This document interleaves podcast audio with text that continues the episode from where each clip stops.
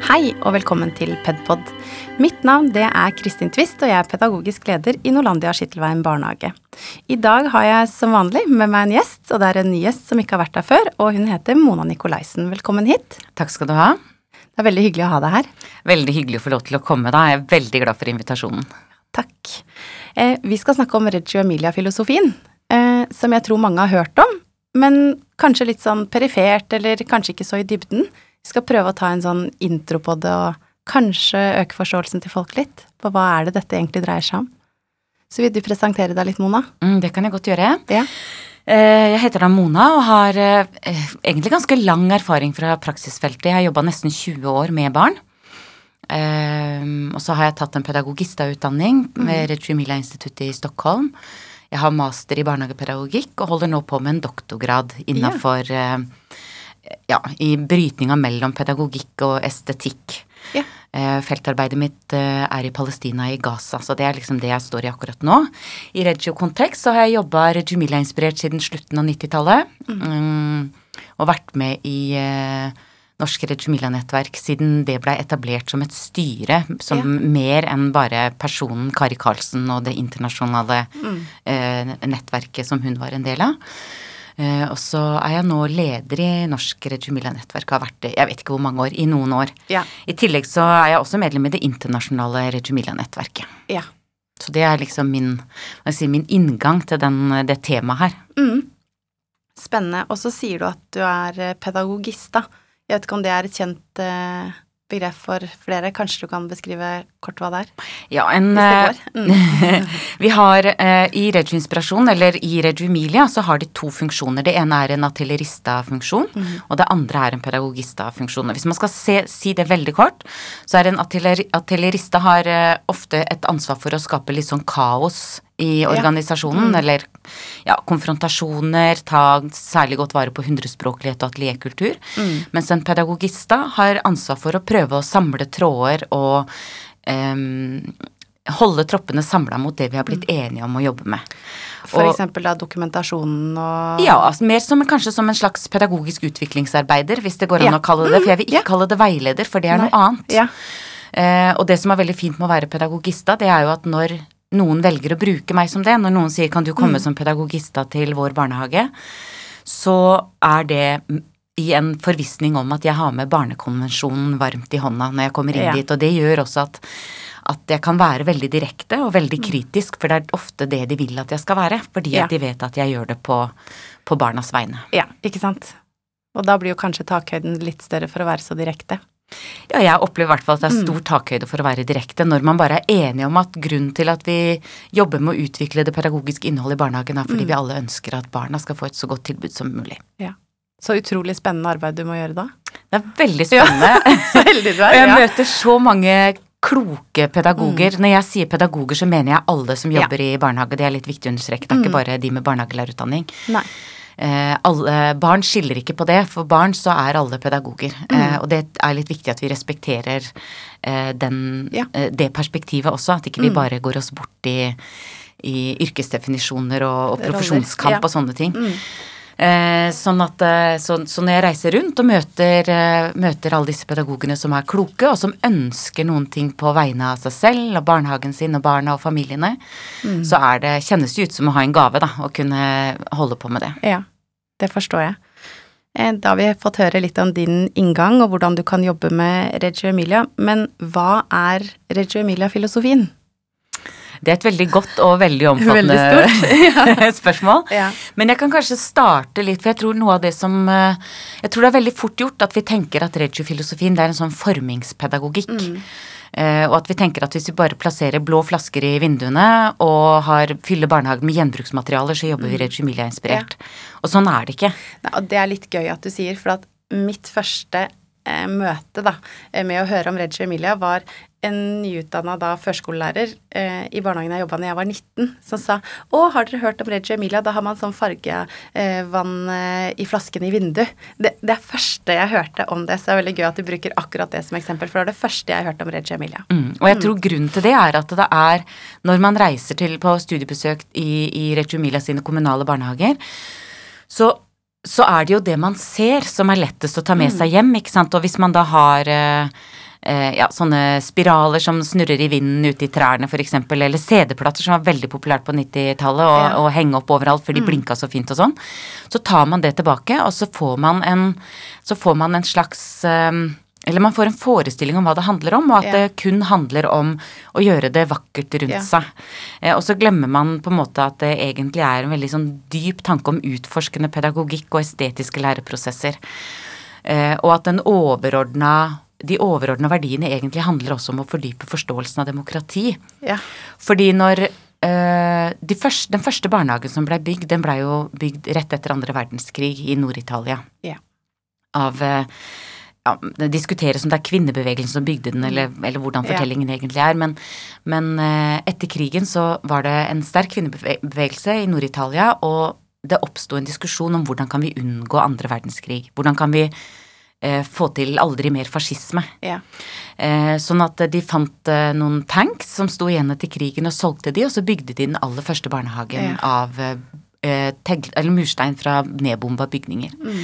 Så historien peker helt tilbake til andre verdenskrig og det med aldri mer fascisme. Ja. Og det er jo også med utgangspunkt i det at man får dette med subjektivitet, ulikhet og delaktighet som verdier. Mm. Eh, fordi at det motsatte av subjektivitet, delaktighet og ulikhet som verdi, det er jo at vi tenker likt. Ja. Og menneskemengder som tenker likt, er mye lettere å lede, og stå, da er vi også eh, Og som ikke tenker kritisk, da. Da står vi også i fare for å bli leda på feil måter. Ja. Jeg blir veldig berørt av det du sier. Jeg kjenner liksom, får litt sånn gåsehud, og det pitrer litt. Fordi at det, du beskriver det jo em, veldig godt med det du sa nå. At det handler om det at jo mer likt vi tenker, jo lettere er vi å lede.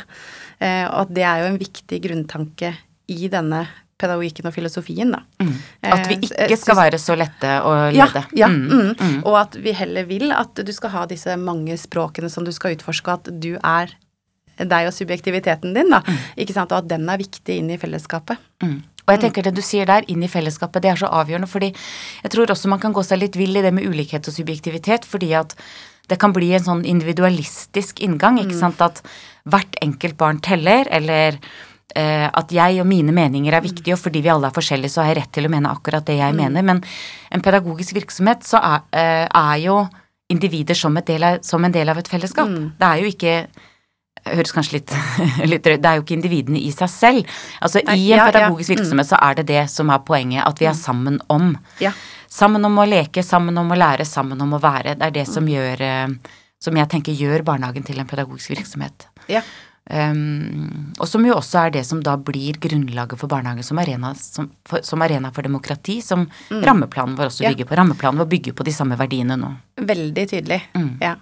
Så man kan jo bare bla litt i rammeplan, så kjenner man jo igjen mye av det vi snakker om nå. Mm. Eh, men man vet kanskje ikke helt hvor det kom fra, eller hvor det oppsto, denne tanken, da. Mm. Eh, så det er fint at du presenterer. Ja, og så kan man diskutere om den liksom om, om det er sant at den oppsto i Reggio Emilia, eller om eh, ja, om de bare har vært litt, altså vært en sånn type trendstarter, eller hva man skal Ja. si. For det er klart, bar Barnekonvensjonen er jo det som ligger til grunn for arbeidet i de kommunale barnehagene i Reggio Emilia i dag. Ja. Det er også det som ligger til grunn for det arbeidet som vi skal gjøre i barnehagene i Norge i dag. Så, så hva som liksom kom først, men det er, ikke, det er ingen tvil om at inspirasjonen fra Reggio Emilia har stor betydning. Det fins jo Reggio-inspirerte barnehager på alle kontinent.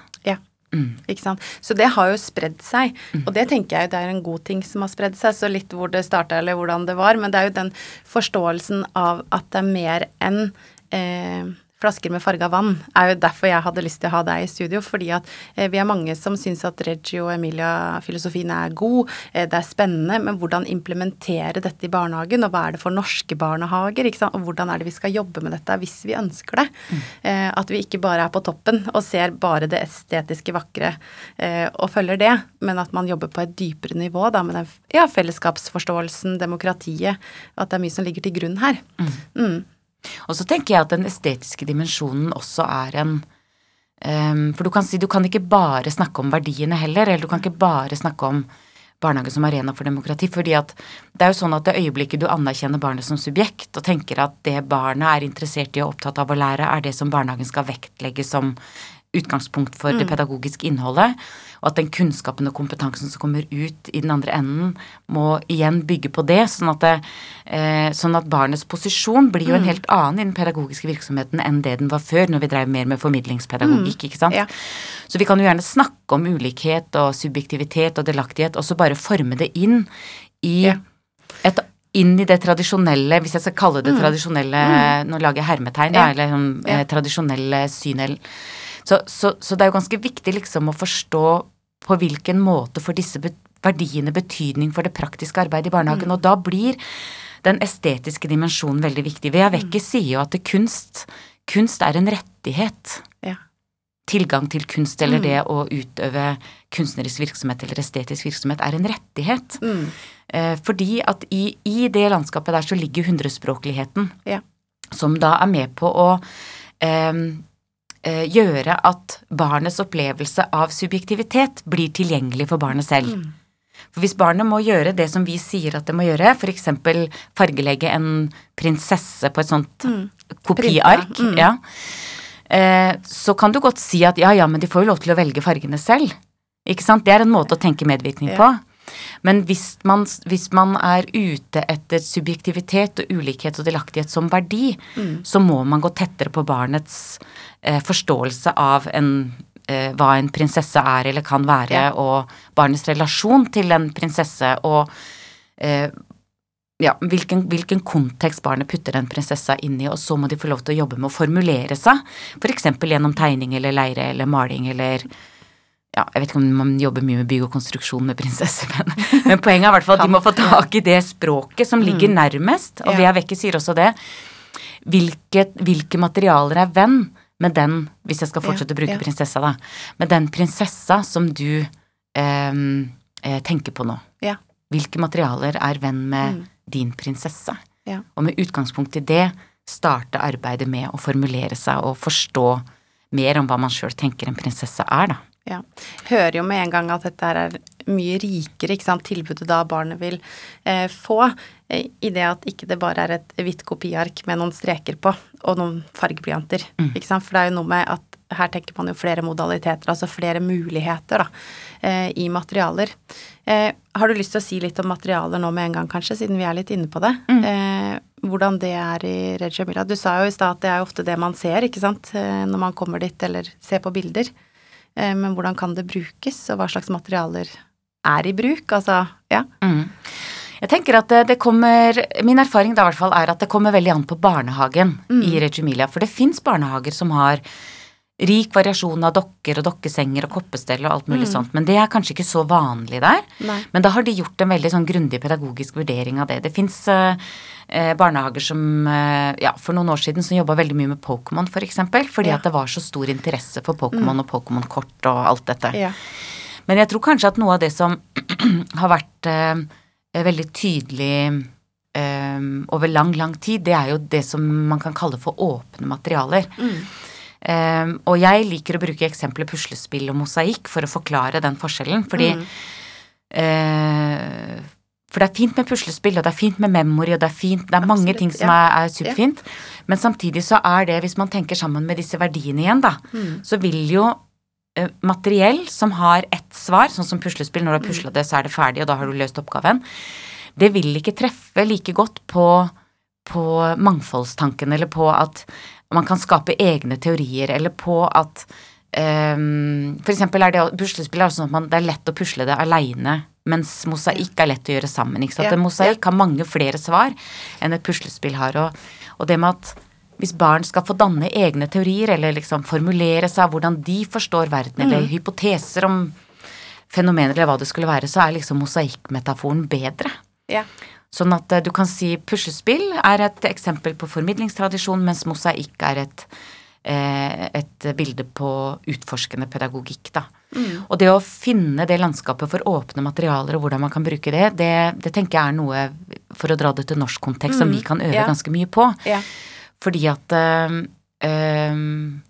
og man, man kan, Jeg tror til og med liksom vi skal diskutere noen ganger, for jeg tror at alle tenker at barn har rett til leker og materiell i barnehagen. At Ja, ikke det bare skal være liksom mellommenneskelig relasjon, men at de må ha noe å gjøre der Ja. også. Hvis ikke så mener jeg det ikke blir en pedagogisk virksomhet igjen, Nei, da. det, ja.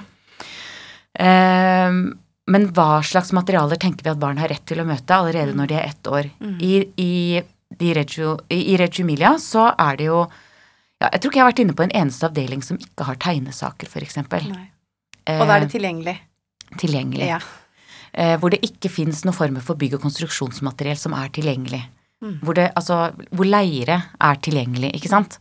Mens vi kan ofte tenke liksom modenhet. At nei, vi får vente med saksene til de kommer på storbarn, eller eh, vi kan ta leire når de er fem, og så kan de holde på med plastelina, for det er mindre Ja. gris med. Eller vi har liksom noen sånne begrunnelser, da. Mm. Eh, mens det derre Det å være villig til å gå, virkelig gå inn i de åpne materialene og se på potensialet for identitetsskaping, Mm. eh, for eh, meningsskaping, for å formulere seg om verden gjennom det, sånn at man kan få tak på hva man tenker. Ja. Det er litt sånn med blyant òg, ikke sant, at hvis ikke du har tegna noen ting før, da, eh, og skal prøve å forklare noen ting med munnen din, og du heller ikke har Mm. liksom verbalspråket helt på plass, så kan det hende at det å få en blyant i hånda di og begynne å streke noen ting, også kan være med på å styrke den ytringa, da. Ja. Eh, så det der, det å, det å utforske det landskapet der, det har jo de spesialisert seg på. Mm. Um, og som kanskje er det som gjør at det blir fort en sånn formingspedagogikk. Men, ja, ja, mm. men det er også en, en eh, Det brukes som et verktøy for tanken, og det brukes som et verktøy for tanken for å forstå uh, fenomener i verden, i den verden som omgir barna, ikke Ja. sant. Og det syns jeg jo er veldig tydelig det man har Hvis man kan sammenligne Duplo da, og fri, altså kl klosser, kan gjerne være avkappa plankebiter, altså hvor mulighetene vil være flere. Eh, For jeg, altså Duplo er, er fint, det òg, men, men det er jo en fast form, og du kan jo ikke sette det på alle mulige Du kan ikke sette det på diagonalen, eksempel, som irriterer meg når jeg bygger. At ikke du kan sette ting på Altså, jeg tenker bare at det er jo noen låste mønstre, og det er fint å lære seg å bygge med Duplo. Altså, vi skal ikke utelukke det ene med det andre, men idet du har et, et, altså masse forskjellige klosser, så vil du kunne bygge noe helt annet, og mye friere fra det du kanskje da tenker selv, enn at jeg kan ikke sette den på skrå. Nei, da ble det ikke skrått, men det var egentlig Altså, Mm. ja. Og jeg tenker ikke nødvendigvis at man ikke kan, kan klare å holde seg til rett, selv om det innimellom er vanskelig for meg ikke å ha diagonalen selv. Nei. Så jo, men du forstår, jeg mener ikke at vi går litt imot våre egne mønstre, og Ja. det går også bra, men, men tilbudet må kanskje være noe mer. For hvis du bare har disse låste, altså puslespill og Duplo, da, så tenker jeg at eh, har du mosaikk og fri, løse klosser, Mm. så vil jo det kunne tilby noe mer. Mm. Eh, Og så tenker jeg jo at, at, eh, det, at vi jeg, kan ta meg sjøl som et eksempel, da. Eh, tidligere så var jeg veldig opptatt av den estetiske dimensjonen og kreativitet og at alt skulle liksom flyte veldig og eh, ingenting skulle være fiksert. mm, Nå eh, så tenker jeg at eh, eh, at jeg kanskje var litt naiv, da, tidligere. Eller naiv, eller jeg lengta veldig etter eh, etter disse flytsonene Mm, hele ja. tiden. Og det tror jeg kanskje også var som en form for opposisjon, nettopp mot, hvis vi bruker Duplo som et eksempel, Ja. da. Mens i dag så tenker jeg jo at vi trenger begge deler. Mm. Vi trenger rasjonaliteten, og vi trenger eh, den, eh, eh, den estetiske eller den mer flytende Mm. dimensjonen, da. Hvis ikke så tror jeg det blir for kaotisk også, så jeg tror det er ganske viktig at vi står på det rasjonelle beinet, og vi står også Mm. på, på, på kreativiteten, eller hva man nå Ja. skal kalle dette andre, da. Mm. Um, og det er jo når man får til en god balanse mellom disse to tingene, ikke sant, at, at man kanskje kan skape ting som um, blir varig på en eller annen måte også. Ja. Ehm, alle elementer har jo en, en, noe matematisk og noe annet i seg, da, ikke det sant? har det. Mm. Ja. Og det er sånn som vi har samla inn eh, glass for at barna har skullet male på de, og eh, litt sånn forskjellige ting som de har hatt med seg hjemmefra, eller at vi bruker de til oppbevaring av blyanter, altså sånne sylteglass, sånn, så har vi fått mer lokk hjemmefra. Og så har vi samlet lokkene i en kurv. Og, de lokkene, altså det er jo tallerkener, og det er jo Altså det er så utrolig mye. Og så var det en dag som la Vi har et rundt bord, lavt, og så la hun lokk sånn i kanten på hele bordet, og så var det ett firkanta lokk. Bare det bruddet der, Mm. med det firkanta lokket, og så lagde hun jo en sirkel med sirkler og én firkant. Så tenker jeg, det gir jo noe mer, utenom at jeg klarer å sette ord på hva man har observert, og, ikke sant? men du forstår hva jeg mener, Mm. du. Mm. Eh, og så er det bare om vi får det ut til lytterne. Men ikke sant, at den derre prosessen da for en treåring som står med dette, og sirklene, og at hun skaper jo mening med det materialet hun møter. Og så det derre ene bruddet som gjør noe med meg som jeg tenker sånn Yes, det var bra det var en firkant der. Mm. Ja, og så tenker jeg at det, at det, som vi noen ganger gjør da, hvis man skal ta et matematisk perspektiv på det, det er det at det, eh, Kanskje særlig etter at vi fikk grunnleggende ferdigheter, ikke sant, som også har liksom sildra nedover i barnehage som at eh, vi må ja, øve på norsk og matte og skriving og alt dette. Så tenker jeg at det er veldig fort gjort at vi da går inn og begynner å snakke, bruke det matematiske begrepet sirkel, f.eks. For eksempel. For hvis vi sier sirkel, da blir det matematikk, liksom. Eh, mens, mens, jeg tenker jo at det, det er fint å si eh, sirkel, men det er også fint å kunne si runding og ring. Mm. Altså det er mange måter ja. å snakke om det på. Eh, og det viktigste, tenker jeg, for dette barnet, da, det er jo eh, opplevelsen eller mm. erkjennelsen av mm. sirkelens funksjon, eller mange mm. sirklers funksjon. Ja. Den store sirkelen med de små som kan lage en, en, en, eh, en, form, da, mm. eh, som eh, Ja, og dette bruddet også, som jeg jo synes, selvfølgelig også syns ja, er veldig interessant. Ja, og så gikk hun liksom sånn rundt bordet og tok på med sånne små fingre, ikke sant, og mm. tok på disse, og jeg tror ikke hun opplevde det som et så stort brudd med den firkanten. Men hun var jo i det, og det er jo en erfaring. Mm. Ikke sant? Som, og, og, da tenker jeg ja, det er lokk som man egentlig kunne ha kastet da, i anførselstegn, mm. fordi at det er jo ingenting. Mm. Et lokk er jo ikke så mye, men sammen, når du har nok av de. Mm. Hvis jeg kan spørre, da. Mm. Det er jo ikke sikkert at du, eh, at du, vil være med på leken. Ja. På, Vi får se. på dette. Mm. Eh, men hvis du skulle si noen ting om hva du tenker om det bruddet, da. Om ja. det firkanta lokket på dette runde bordet med disse runde an, Alle mm. de andre runde lokkene som var plassert i en sirkel. Mm. Eh, hvilke assosiasjoner, eller hvordan tenker du om det? Nei, og jeg vet ikke hvorfor det er som jeg sa, jeg syns det er vanskelig å forklare, for det bare gjorde noe med meg at jeg likte så godt at vi hadde den firkanten der. Og det var jo noe Alt er jo lokk, ikke sant, så det er jo likt, og så lå det på en sirkel. Så jeg har liksom problemer med å sette ord på hvorfor det gjorde noe med meg. Eh, men det var jo hele hennes liksom nesten sånn dans rundt bordet at hun tok på de, og så brukte ikke hun det?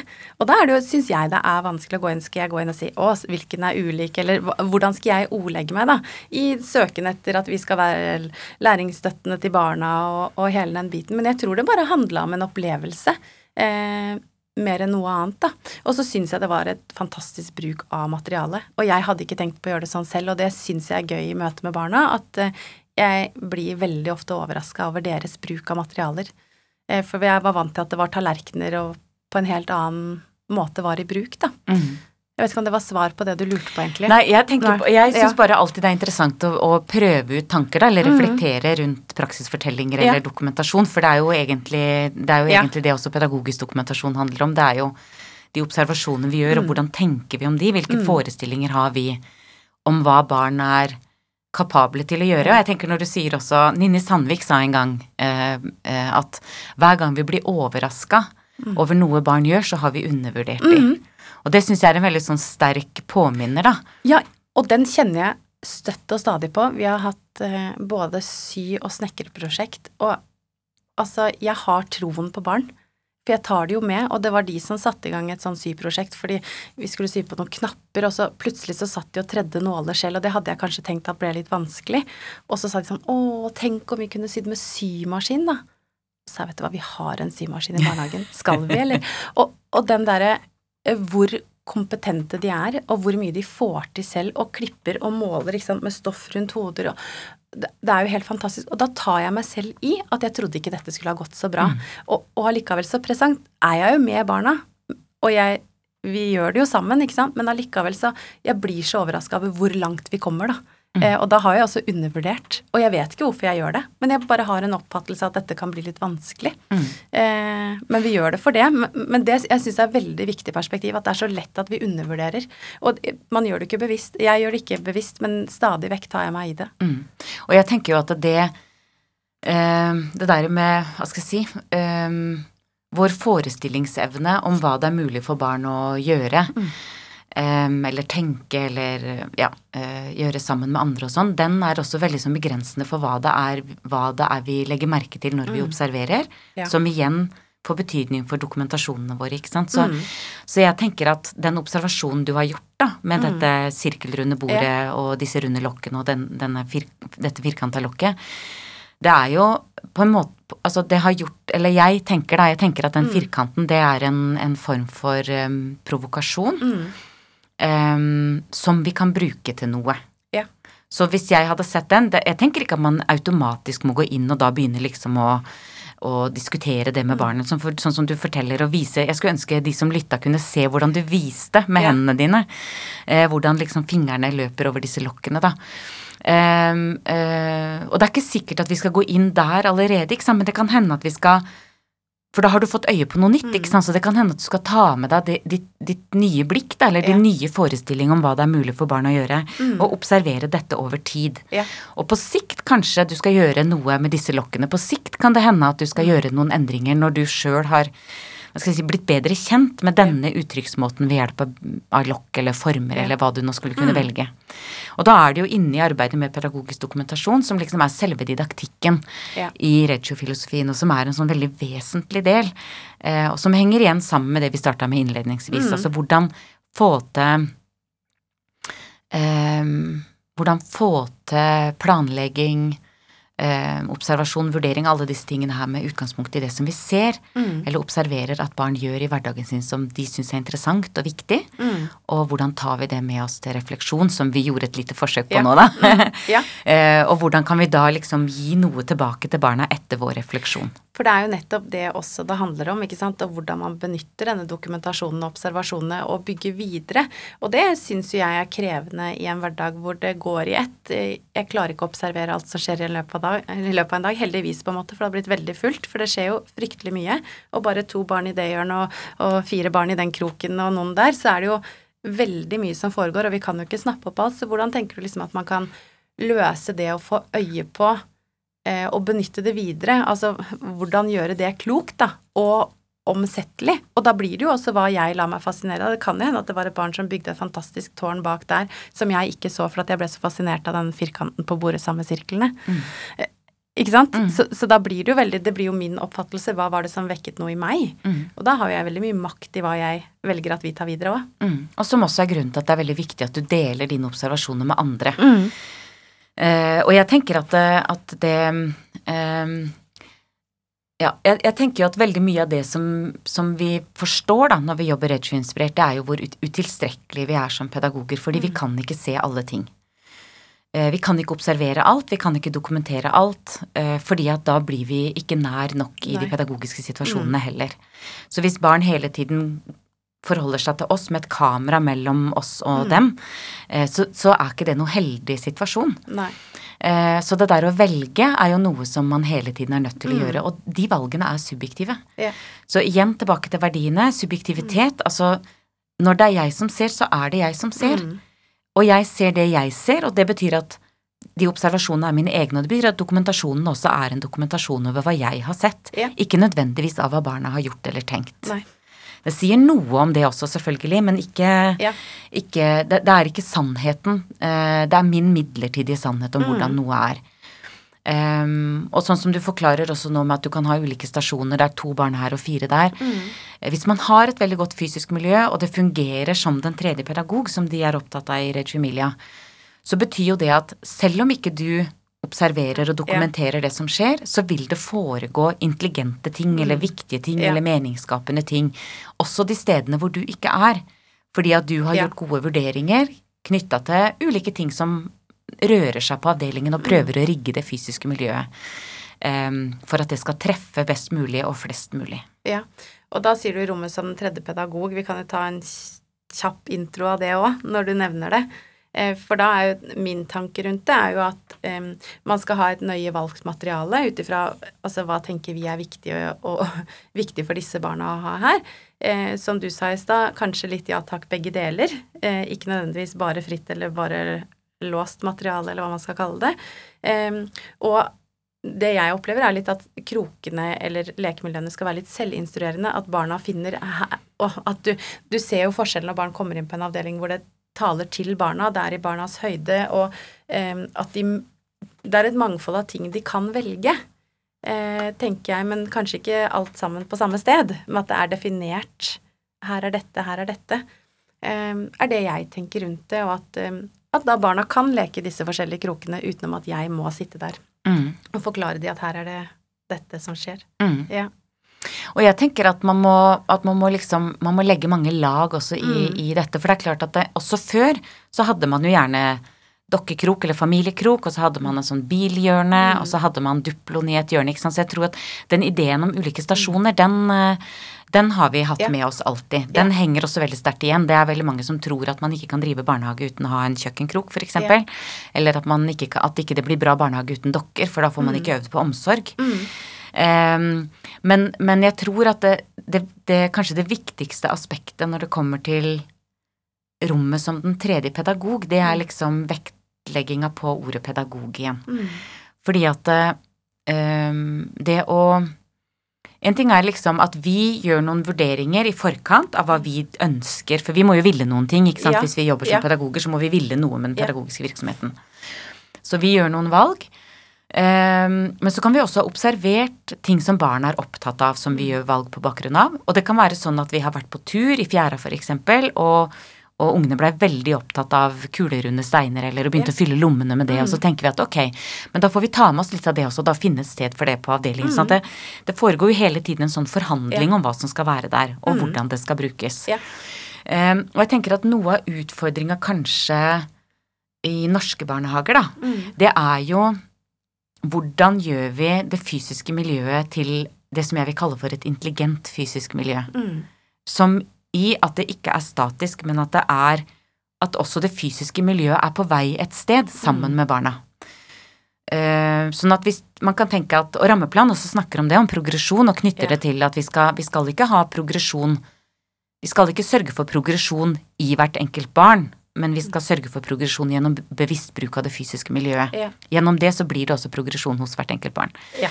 Eh, sånn at, eh, så det der med liksom eh, hvordan, hvordan greier vi liksom igjen det med forestilling? Da klarer vi å forestille oss et potensielt neste skritt, eller, eller er det sånn at miljøene vi lager, er det samme når vi begynner på høsten som når vi slutter på sommeren? Hvis det er likt i august som i juni, da mener jeg at da har vi ikke sørga for progresjon gjennom bevisst bruk av det fysiske miljøet, f.eks. Ja. Så det der med å, å observere hvordan barn tar det i bruk, og så gå inn og justere det fysiske miljøet ut ifra det vi igjen observerer. Ja. Sånn at det er foranderlig Ja. eh, og fleksibelt selv om vi Også når vi har bestemt oss for åpne materialer, så kan det hende vi må bytte ut noe, ikke ja, sant? Ja, ja, veldig, tenker jeg. Eh, og vi var jo på eh, Du ledde jo Knutepunkt for Norsk Regio-nettverk eh, i Trondheim i vår. Eh, og da var jeg der, og da satt vi på sånne bord med folk fra barnehager over hele Norge. Og da var det ei som hadde litt morsomt uttrykk med det med at eh, at det var sovende pedagog på jobb, og da var det hvis rommet på en måte ikke fungerte lenger, da. At de hadde glemt seg bort i å bytte ut materialer, eller at plutselig sånn Det var mye mer sånn uro, eller at barna landa liksom ikke i aktiviteten. Det var sånn Oi, ja, for noen ganger så får man ikke øye på det umiddelbart. Det går litt tid, og så blir man sånn bevisst på det. Men jeg syns det var litt morsomt uttrykk på at der var det noen som har sovnet på jobb, og det var eh, rommet denne Mm. gangen. Det var ikke oss, men ja. Eh, For å beskrive hvor viktig det kan være, da. Mm. For dynamikken jeg- tenker jeg, på en avdeling. Ja, ja, ja. Eh, og jeg tenker at hvis man eh, eh, Sånn som ja, jeg kan, sånn som eksempel i, i betydningen av den lille gruppa. Altså, vi snakker masse om det, og det finnes også forskning på det som sier at, vi, altså, at det er bra for barn, og for oss pedagoger, å, å jobbe eller organisere barnegruppa i mindre grupper, sånn at ikke du går med en gruppe på 18 eller 21 eller hvor mange man nå har på avdelingene nå. Um, og hvis du har et godt, godt fysisk miljø, så vil gruppedeling skje litt automatisk. Har du et dårlig fysisk miljø, så, så, eller et fattig fysisk miljø, eller lite ting å holde på med, så kan det godt hende at ungene også klumper seg mer sammen. Ja. Du kan dele ut og inne, selvfølgelig, men, men det er klart at det å ha eh, mange stasjoner eller områder hvor det er sånn at barnas hjerner huker seg på det som de kan gjøre sammen der, enten det er å leke eller konstruere eller eh, formulere seg om noe de liksom lurer på, eller filosofere eller samtale rundt noe, eller hva det skulle være, det gjør jo også at du, du Jeg sier ikke at det blir konfliktfritt, men du får en konsentrasjon rundt noen ting som er felles for dem. Og jeg tenker at det, også, det, det der med mange barnehager er veldig opptatt av sosial kompetanse. De er opptatt av at barn skal uh, få venner når de går i barnehagen, ikke sant, det relasjonelle. Um, og, og så tror jeg jo at hvis vi da glemmer det, hvis de ikke vil få med det fysiske miljøet på laget, ikke inkluderer det i tenkninga vår, så blir også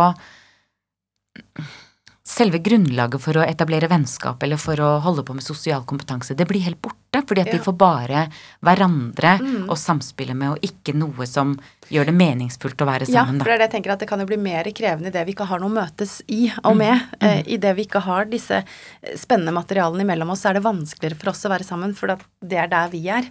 Eh, så det er jo kjempeviktig det å ha et, et tilbud som er på en måte til disse barna, til denne barnegruppa. Ja. Og jeg tenker sånn som vi nå, når vi snakker sammen nå, så har vi det felles tredje, vi også. Vi har Reggio Emilia-filosofien, Ja. som er det vi har blitt enige om at vi skal snakke sammen om i dag. Og det gjør det enklere for oss å snakke sammen. Eh, du har lagd en liten liste over ting som du tenker at vi burde komme innom i dag. Eh, det gjør også at vi får en slags progresjon i samtalen, eller vi vet omtrent liksom Og selv om ikke vi kjenner hverandre fra før, så får Ja. vi til fordi at vi har et felles fokus. Eh, kanskje blir vi venner en dag, for alt vi vet, fordi vi syns dette er så veldig spennende.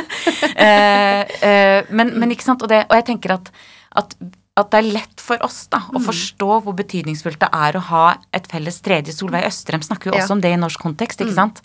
Bygger vel på ja, Skjervheim eller hvem det er fra fra jeg sa gamle dager, unnskyld.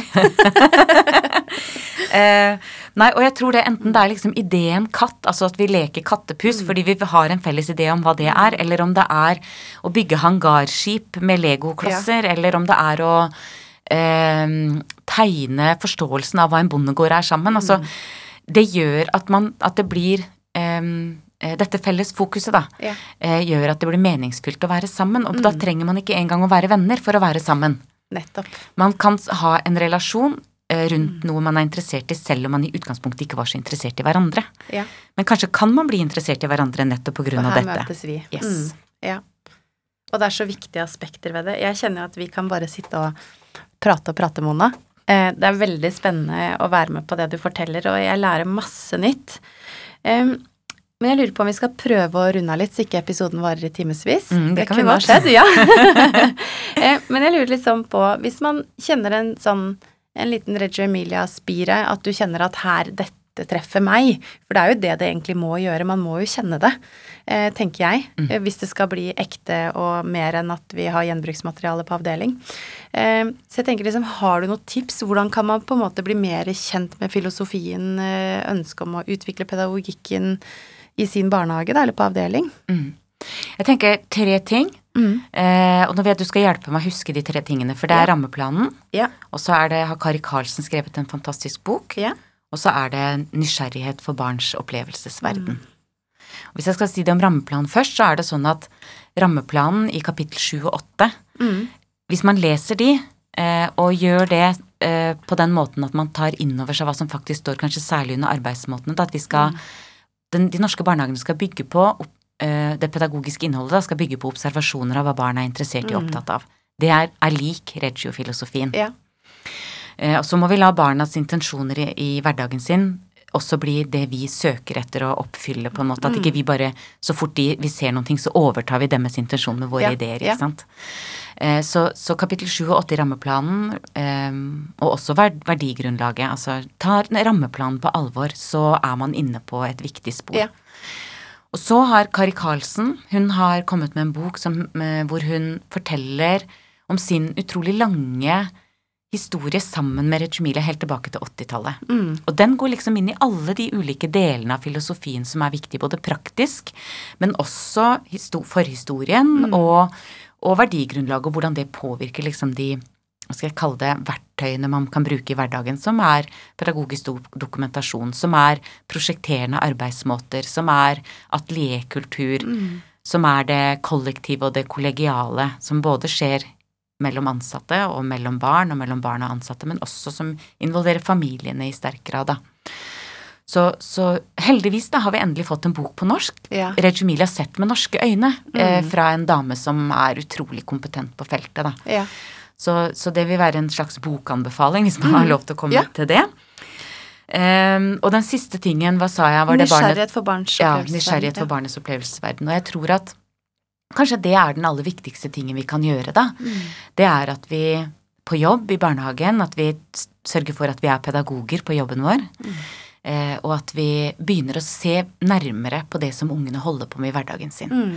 For jeg tror at vi noen ganger kan si at Eller vi ser at barn leker, eller at barn holder på med noen ting, men vi er ikke helt sikre på hva det er, så vi må gå enda litt tettere på. Og når vi ser hva det er de gjør Jeg kan bruke kattepus som et eksempel. og Vi ser at de leker, men når vi kommer litt nærmere, så ser vi at det er katt. Mm. Det felles tredje er å leke katt. Mm. Så kan vi gå enda tettere på og se, men hvordan gjør de det? Ja. Så vi må helt, helt innpå. Og en pedagog i Ås kommune som jeg snakka med en gang, sa at uh, vi må ta et over skulderen-perspektiv. Mm. Så vi må liksom komme så tett på at vi kan se over skulderen til barna. Og komme helt tett på i fingerspissene deres omtrent på det de holder på med. Der finner vi veldig mye informasjon Ja. som vi kan når vi observerer det. Så må vi kjenne etter hvordan tolker vi det vi ser. Eh, vi dokumenterer det. Mm. Vi tar det med og deler det med barna og med de ansatte, og kanskje også med familiene. Og så prøver Ja. vi å bygge eh, de Altså tolk, se på hvilke tolkninger vi gjør, og hvordan kan vi velge noe som vi gir tilbake, som handler om det samme. Mm. Eller små variasjoner over det som vi har sett i barnas hverdag. Som bygger på. Ja. Mm. Og gjør vi det, så er vi på parti med barna. Da blir barnet Mm. subjekt i relasjon. Vi vil få enormt stor variasjon i, i, i det pedagogiske repertoaret vårt, og barna vil få tilgang til veldig um, et stort, stor variasjon i det pedagogiske repertoaret som ja, De får tilgang til det utvida repertoaret som vi bygger hos oss selv. Ja. Eh, og gjennom det så kommer også dette med delaktighet eller medvirkning, Mm. ulikhet, altså disse Ja. verdiene, da. Eh, de vil da eh, bli barnets opplevelsesverden. ja. Hvis det er mulig å forstå. Jeg håper det er mulig å forstå. Ja, ja, det er det. Og jeg tenker sånn på bakgrunn av episoden også, tenker jeg liksom at du har gjort en veldig god introduksjon av, og tatt oss med i dybden eh, av Reggio Emilia, og at det er mer enn disse flaskene med farget vann. Eh, det vi kanskje først har møtt og sett, eh, folk som har vært i barnehage i mange år, hvordan er det vi har blitt introdusert for det i begynnelsen, men hva er det det egentlig handler om, da? Jeg kjenner jo at eh, jeg ønsker at vi kan lage flere episoder. Jeg tenker du nevner liksom observasjonen, eh, dokumentasjonen, altså pedagogisk dokumentasjon, eh, og refleksjon, ikke minst, da, som også er eh, elementer, tenker jeg, da, i dette her, for at man skal komme videre, ikke sant, i det du beskriver nå med barnas eh, nysgjerrighet for barnas opplevelsesverden, at da må vi inn og gjøre disse tingene, og vi må dele, som du sa bare om dette runde bordet som jeg beskrev i stad med, med sirklene og lokkene på hvordan har jeg delt det med andre, og hvordan blir det da rikere? For at vi igjen har forskjellige perspektiver inn i en personalgruppe, da. Så jeg tenker liksom det er veldig Og- mange lag. Ja, Mm. Og hvordan gir man de observasjonene tilbake til barna? Altså, jeg tror ofte vi kan bli veldig opptatt av å reflektere, vi voksne. Vi kan Mm. Ja. elske det. Mm. Eh, Men samtidig så er det også viktig for barna å få dette kall det metaperspektivet på det de selv holder på med. Så det at Mm. barna også får tilgang til dokumentasjoner, gjør jo at de ser seg selv i en interessant situasjon, eller de Mm. Ja. ser seg selv i lys av noe vi har observert som interessant. Mm. Ikke fordi at de liksom skal tenke liksom å wow, nå har de tatt bilde av meg, så derfor er jeg veldig viktig. Mm. Men fordi at det å få se en dokumentasjon over noe man har holdt på å Mm. utforske, f.eks., gjør at man kan se det man holder på med med et annet perspektiv. Det er Ja. viktig også fordi at barn reflekterer også. Ja, absolutt. Det er et viktig aspekt du tar med der. Men da tror jeg bare jeg må si tusen hjertelig takk for at du kom og var med på innspilling av episode av Pedpod. Det har vært eh, kjempelærerikt. Og jeg håper at det er mange som lytter til episoden og får litt sånn aha, er det dette? Oi! Og Mona, hun der! Hun må jeg forhøre meg med hvis det er noe jeg lurer på. For du har en kompetanse som er eh, veldig, veldig god på dette her. Og, og tusen takk for å få muligheten til å komme, da, for dette er jo Det blir jo en levemåte, nesten. Når Mm. man først liksom tar inn over seg verdiene, så, så blir man jo ikke eh, Det blir ikke viktig bare i arbeid med barn, det blir viktig liksom for måten man er sammen med Er. mennesker på i Mm. hverdagen og alt. Så det er, er identitetsforandrende, rett og slett. Så det er Og alle som ønsker er varmt velkommen inn i den tenkninga. Ja. Tusen takk, Mona. Ha det godt.